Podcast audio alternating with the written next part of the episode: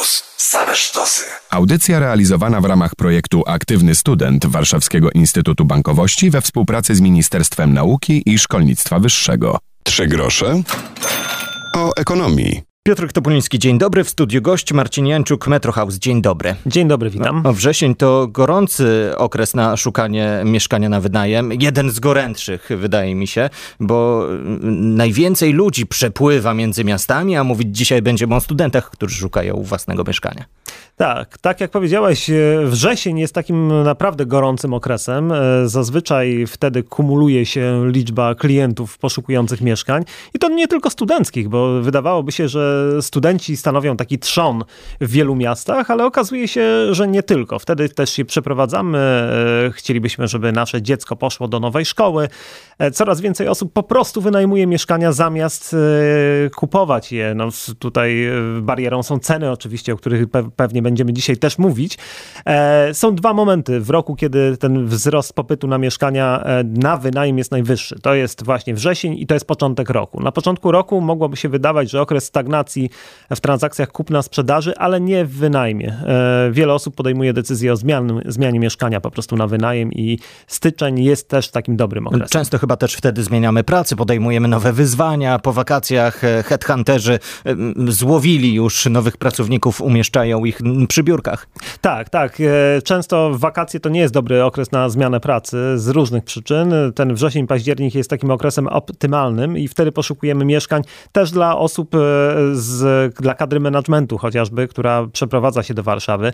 To są też ekspaci, którzy zasilają największe polskie miasta i często się mówi, że, że ten e, rynek najmu w Polsce jest taki standardowy, powiedzmy ograniczony do mieszkań dwu, trzypokojowych, a to jest nieprawda, bo w dużych miastach poszukujemy też droższych nieruchomości, nieruchomości, które tak naprawdę e, kosztują nawet kilkanaście tysięcy złotych za wynajem miesięczny. Ostatnio spotkałem się z taką historią, że w Turcji kawalerka to jest trzypokojowy pokój około 80 metrów kwadratowych, więc to zupełnie inna bajka. A na ile koszty mieszkania powinniśmy brać pod uwagę przy wyborze miejsca, choćby studiowania? A może nie powinniśmy na to patrzeć? Powinniśmy, bo różnice są bardzo duże. E, Ja tutaj przygotowałem takie krótkie zestawienie i e, chociażby w, mieszkanie, e, ograniczmy się do mieszkań dwupokojowych, bo to są takie mieszkania, które często wynajmują studenci. Bo cztery osoby dzielą się na dwa Tak, pokoje na przykład. Tak. e, Dwie pary albo w ogóle dwie osoby, które mieszkają w jednym mieszkaniu razem, więc przy mieszkaniu dwu, takim dwu e, z dwoma pokojami. E, W Warszawie zapłacimy około 2000-2200 zł e, i to jest taka mm, kwota, gdzie rzeczywiście można trochę niżej znaleźć, e, na przykład na Białęce, gdzieś w Ursusie, no ale dla studenta dojazd jednak z Białęki czy z jakichś dalszych okolic jest dosyć uciążliwy i rzeczywiście te mieszkania spotykają się z zainteresowaniem, ale nie aż tak e, silnym. Drogo też jest w Gdańsku, w okolicach e, 1900-2000 zł e, za mieszkanie. No powiedzmy, w Gdańsku w ogóle mieszkania bardzo silnie zdrożały, więc osoby, które kupują mieszkania inwestycyjnie, no, też chcą sobie jakoś zrekompensować ten wzrost cen mieszkań, e, dlatego e, te mieszkania dobrze doposażają i żądają po prostu wyższych e, cen. No ale są miasta o wiele tańsze i takimi najtańszymi mieszkaniami z tych z moich zestawień wychodzi, że jest Bydgoszcz i Białystok. Tutaj to, są, to są okolice, które znane są z tradycji akademickich, więc tam sporo osób studiuje i tam za takie dwupokojowe mieszkanie możemy em, zapłacić około 1300-1400 zł, więc różnice są, mm, jak widać, bardzo duże. No ale nie każdy chce studiować w Białymstoku. Dla e, niektórych e, ten Warszawa, czy Gdańsk, czy Kraków są bardziej prestiżowymi ośrodkami. Tu się więcej dzieje. e, Większe są też szanse na znalezienie pracy podczas studiów, więc moim zdaniem ta em, e, kwestia ceny schodzi trochę na drugi plan ostatnio. Za chwilę będziemy mówić e, o tym, na co zwrócić uwagę, gdy szukamy mieszkania. Poszukamy takich lifehacków, które sprawią, że łatwiej wam będzie na jesieni szukać własnego M na kilka miesięcy. Trzy grosze o ekonomii. Marcin Jańczuk jest cały czas naszym gościem. Rozmawiamy o mm, szukaniu mieszkania na wynajem, e, głównie pod kątem studentów. Przed chwilą mówiliśmy o najdroższych miastach, a także o takich miastach w Polsce, w których cudzysłów e, mieszkanie podczas studiów będzie nieco tańsze. Zastanawiam się, hmm, akademik to raczej nie dla każdego. Już nie mówię o atmosferze akademika, że jest tam głośniej i jest to miejsce często bardziej towarzyskie niż do odpoczynku czy jakiegoś tam e, życia, tylko po prostu nie wszyscy studenci spełniają warunki warunki, żeby w takim akademiku mieszkać, bo są zbyt bogaci, jakkolwiek to dziwnie brzmi. No właśnie, myśląc o akademikach, tutaj cały czas myślimy o tych akademikach, które są przynależne do uczelni państwowych. A co ciekawe, e, coraz częściej tworzą się prywatne akademiki, które są postrzegane przez niektórych inwestorów za dobrą lokatę kapitału. Takie akademiki powstają między innymi w Gdańsku, we Wrocławiu, w Warszawie. E, I one się rządzą trochę innymi prawami, bo to są tak naprawdę niewielkie pokoje e, o standardzie często apartamentowym, e, które dają swobodę zamieszkania, a jednocześnie posiadają części wspólne, które wspomagają integrację. To mieszkanie jest trochę ograniczone, ono ma 18, 20 kilka metrów, ale tak naprawdę miejsce na pralkę jest gdzie indziej, bo jest we wspólnym pomieszczeniu. Są tale, sale telewizyjne, więc tam w zasadzie przychodzimy tylko po to, żeby, nie wiem, przy biurku się pouczyć albo e, po prostu e, spędzić noc, przespać się i, i, iść dalej na uczelnię do pracy. Więc e, te akademiki nowoczesne nie są odzwierciedleniem tego, e, o czym myślimy o akademikach uczelnianych. Oczywiście zgadzam się z tym, że wiele osób e, ze względów różnych formalnych nie kwalifikuje się do akademików, ale z drugiej strony przemija też chyba moda na akademiki.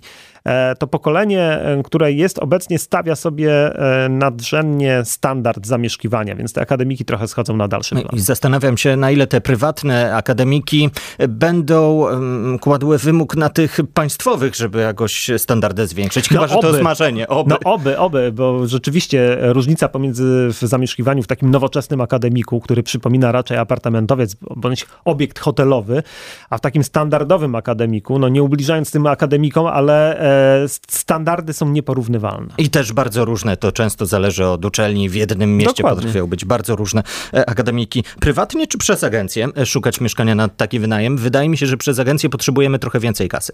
Przez agencję potrzebujemy dodatkowej kasy na e, wynagrodzenie pośrednika, krótko mówiąc. E, często właśnie ta strona najemcy płaci wynagrodzenie. Różnie to jest w różnych agencjach, bo czasami płaci wynajmujący, czasami płaci najemca czasem płacą obie strony, więc warto jeszcze przed spotkaniem z pośrednikiem uzgodnić, kto płaci prowizję. Te prowizje e, ograniczają się do jednomiesięcznego czynszu, więc e, jako gwarancja bezpieczeństwa nie jest to dużo, ale jednocześnie ja wiem, że no, no na e, takie skromne zarobki powiedzmy studenta to, to jest kwota, która znacząco wpływa na budżet miesięczny. Osoby korzystające z pośredników to są osoby często, które się przyprowadzają i pierwszy raz poszukują mieszkania w danej okolicy. Więc na przykład, jeżeli ktoś się sprowadzi z dalszych obszarów do Warszawy, chociażby jest zupełnie niezaznajomiony z, z dzielnicami, to ten pośrednik może wiele pomóc. W, oczywiście, e, jeżeli już e, w tej Warszawie mieszkamy kilka lat, no to już jest pewna, pełna dowolność. Jeżeli jesteśmy w stanie e, samodzielnie wynająć, wynajmujemy samodzielnie. Jeżeli chcemy cały czas potwierdzenia tego bezpieczeństwa i potwierdzenia statusu mieszkania, bo my najczęściej dokumentów nie sprawdzamy e, jako klienci. Ja wiem dobrze o tym, że e, studenci, którzy wynajmują mieszkanie, bardzo rzadko żądają aktu notarialnego, księgi wieczystej e, i tak dalej. A na co jeszcze powinniśmy zwrócić uwagę, jeśli chodzi o takie papiery? Bo no, wszystko powinno być czarno na białym No właśnie, napisane. i teraz ja nie chcę być złym prorokiem, ale rozmawiamy w końcówce sierpnia, we wrześniu pojawią się artykuły o tym, jak biedni studenci zostali oszukani przez niby właścicieli mieszkań. Bo patent e, na oszustwo jest bardzo prosty. E, ja jako e, potencjalny oszust mogę wynająć takie mieszkanie od właściciela, a potem wynajmować je jako właściciel poszczególnym osobom, dorobić sobie kilka e, zestawów kluczy, umówić się na e, przekazanie jakiegoś zadatku, e, pierwszej zaliczki w poczet mieszkania w pierwszym miesiącu, kaucji na przykład i takie mieszkanie wyjąć, wynająć jeszcze 15 razy. Nikomu niczego nieświadomym studentom. Więc takie sytuacje się zdarzają. Przez agencję na pewno unikniemy takich możliwości oszustwa, ponieważ weryfikujemy wszelkie dokumenty.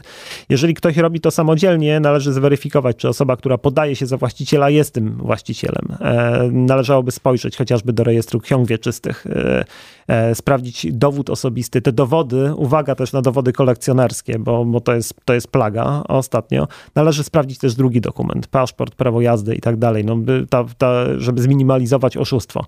E, no i e, sprawdzić e, prawo do, do mieszkania, czyli chociażby akt notarialny, jakąś umowę, która potwierdza, że osoba, z którą rozmawiamy, jest właścicielem. Kaucja płacić, bo potem mogą być problemy z odzyskaniem no właśnie, jeśli się to jest taki, podczas imprezy taka bardzo sporna kwestia, kaucja.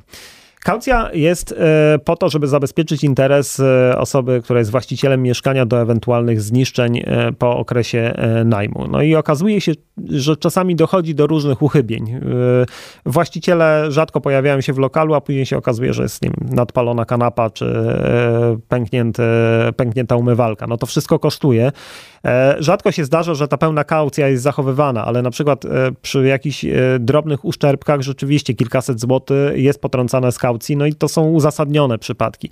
Ja już nie mówię o tym, że, że ściana jest do odmalowania, bo ta ściana to jest taki element, który powinien być e, odnawiany przy każdym najemcy, ale e, elementy stałe wyposażenia, jeżeli uległy uszczerbkowi, no wtedy, e, wtedy trzeba za nie zapłacić. Ta kaucja jest takim gwarantem dla właściciela, że po prostu będzie miał z czego zapłacić za naprawę tych sprzętów. Podpytam za chwilę o kolejne rzeczy związane z wynajmem mieszkań. Zostańcie z nami. Trzy grosze o ekonomii. Rozmawiamy dzisiaj o tym, jak sprawić, żeby wynajem mieszkania na najbliższy semestr nauki był e, rzeczą przyjemną, formalnością do załatwienia. Podpisujemy wszystkie dokumenty, sprawdzamy i mieszkamy. Marcin Janczuk z Metro House jest osobą, która dzisiaj nam radzi i wskazuje, co powinniśmy zrobić i na co powinniśmy zwracać uwagę. Właściciele no, bywają różni, to są ludzie. Zastanawiam się, jak często powinniśmy wpuszczać tego naszego właściciela, który dzwoni i mówi: Halo, będę za godzinę, chciałbym zobaczyć zobaczyć, czy przypadkiem nie pękła nam umywalka. No są ekstremalne przypadki, kiedy właściciel chce często e, sprawdzać e, stan swojego mieszkania. Brzmi jak koszmar. Brzmi jak koszmar, ale takie sytuacje się zdarzają. Najprostszym sposobem uniknięcia ich jest wpisanie tego w umowę, e, że właściciel ma prawo raz na przykład na 2-3 miesiące e, odwiedzić mieszkanie, dokonać inspekcji. Oczywiście e, są przypadki osób, które chcą to robić częściej, no ale to to jest już w pewnym rodzaju y, takie cotygodniowe naloty właściciela są zaburzeniem miru domowego, nie powinniśmy się na to godzić. E, raz w miesiącu, na przykład jeżeli chodzi o odbiór płatności w gotówce, jeżeli takowa następuje raz na kwartał, myślę, że to jest zupełnie wystarczające. Jeden z naszych słuchaczy napisał, że właściciel chciał swoje stare meble zwieść do tego mieszkania. Już po podpisaniu umowy zastanawiam się, czy to jest możliwe. No nie, no, sytuacja ekstremalna, nie, nie gódźmy się na takie rozwiązania. W, jeżeli mamy podpisaną umowę e, najmu, my tak naprawdę mamy w tym czasie prawa do mieszkania i właściciel nie może nam narzucać pewnych rozwiązań. Nie wiem, nie może w trakcie naszego pobytu w mieszkaniu dokonywać jakichś znaczących remontów, chociażby, które utrudniają nam e, w nim przebywanie, jeżeli to nie było uzgodnione z nami. Więc no, zwiezienie e, mebli niepotrzebnych do, do mieszkania no, jest taką niedopuszczalną sytuacją. Ja znam z kolei sytuację, kiedy rzeczywiście mieszkania, które były e, przedstawiane e, jakoś ładnie w ofercie, na zdjęciach posiadały meble, sprzęty i tak dalej, po wejściu e, najemcy okazywały się wręcz puste, albo te meble zostały podmienione na meblościanki z lat 70., więc mm, po to są protokoły zdawczo-odbiorcze. I pamiętajmy, że warto taki protokół podpisać. Czyli tylko... lista z konkretnie zapisanym tak, tak, modelem, bo, pralki i tak dalej. Tak, bo później właściciel może nam wmówić różne rzeczy, a my mamy to na, w protokole mamy dodatkowo możliwość sporządzenia dokumentacji fotograficznej. I też za każdym razem ja radzę, żeby tą dokumentację sporządzać, bo tak naprawdę e, e, nie będziemy płacić za szkody spowodowane przez poprzedniego najemcę. A takie sytuacje się zdarzają, że rzeczywiście e, właściciel dolicza nam coś, czego nie zrobiliśmy, ale nie potrafimy tego udokumentować. A jakby odpukać? Czy stało się coś, o czym mówiliśmy przed chwilą, to gdzie powinienem szukać pomocy? Lecić z tym na policję i mówić, że mam problem z właścicielem? To brzmi głupio. E, no na policję nie. Ja myślę, że, że takie, takie e, kwestie e, sporne należy rozstrzygać tak szybko, jak one się pojawią. Mm, jest tyle mieszkań na wynajem obecnie, ta bo oferta jest tak bogata, że ja myślę, że nie należy kontynuować współpracy z kimś, kto już w pierwszych tygodniach powoduje nam jakieś konflikty. E, oczywiście e, są sytuacje, kiedy rzeczywiście ta oferta jest w bardzo dobrej cenie i zależy nam na, na kontynuowaniu tego stosunku najmu, ale e, w moim odczuciu nie należy męczyć się z właścicielem, jeżeli on nastręcza nam jakichś problemów.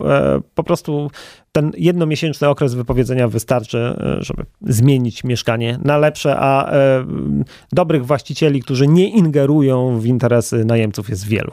Załatwiamy kumpli i się przeprowadzamy, mimo że to nie jest najłatwiejsze. To na koniec, może jak najszybciej jednak powinniśmy pomyśleć o kredycie. Może rodzice pomogą. Choć z drugiej strony, kto z młodych ludzi w wieku 20 lat myśli o braniu, kredyt na, braniu kredytu na 30 lat? Jeżeli popatrzymy na, na kredyt, rzeczywiście. E, ja bym, ja bym powiedział e, o trochę innym aspekcie. My, my jesteśmy teraz na górce cenowej. E, i, te, I teraz pytanie, jak będzie zachowywał, jak ten, zachowywał się trend rynkowy, bo jeżeli się okaże, że rzeczywiście te ceny będą dalej rosnąć, to, to jest dobry moment, żeby zastanowić się nad własnym mieszkaniem, bo e, to, te ceny rzeczywiście już e, podążają w dosyć wysokich obszarach. E, I trzeba się zastanowić, na ile rata kredytu miesięczna e, będzie konkurować z tą ratą, z czynszem płaconym dla e, właściciela. Jeżeli będą to spore różnice, E, na korzyść kredytu. Ja bym się jednak zastanowił nad kredytem. Mimo tych wysokich cen zawsze to jest własne mieszkanie. Jeżeli, jeżeli te różnice są niewielkie, możemy kontynuować najem i, i obserwować rynek, bo być może ten skok cen, który się pojawił teraz, nie będzie kontynuowany i w najbliższej przyszłości będzie można kupić to mieszkanie taniej, więc ten kredyt, który zaciągniemy, też będzie niższy. Mówił Marcin Janczuk, Metro House. Dziękuję za to spotkanie. Dziękuję bardzo. No i życzymy spokojnego życia w nowym EME. Słyszymy się za tydzień. Piotr Topoliński, do usłyszenia. Audycja realizowana w ramach projektu Aktywny Student Warszawskiego Instytutu Bankowości we współpracy z Ministerstwem Nauki i Szkolnictwa Wyższego. Radio Campus. Same sztosy.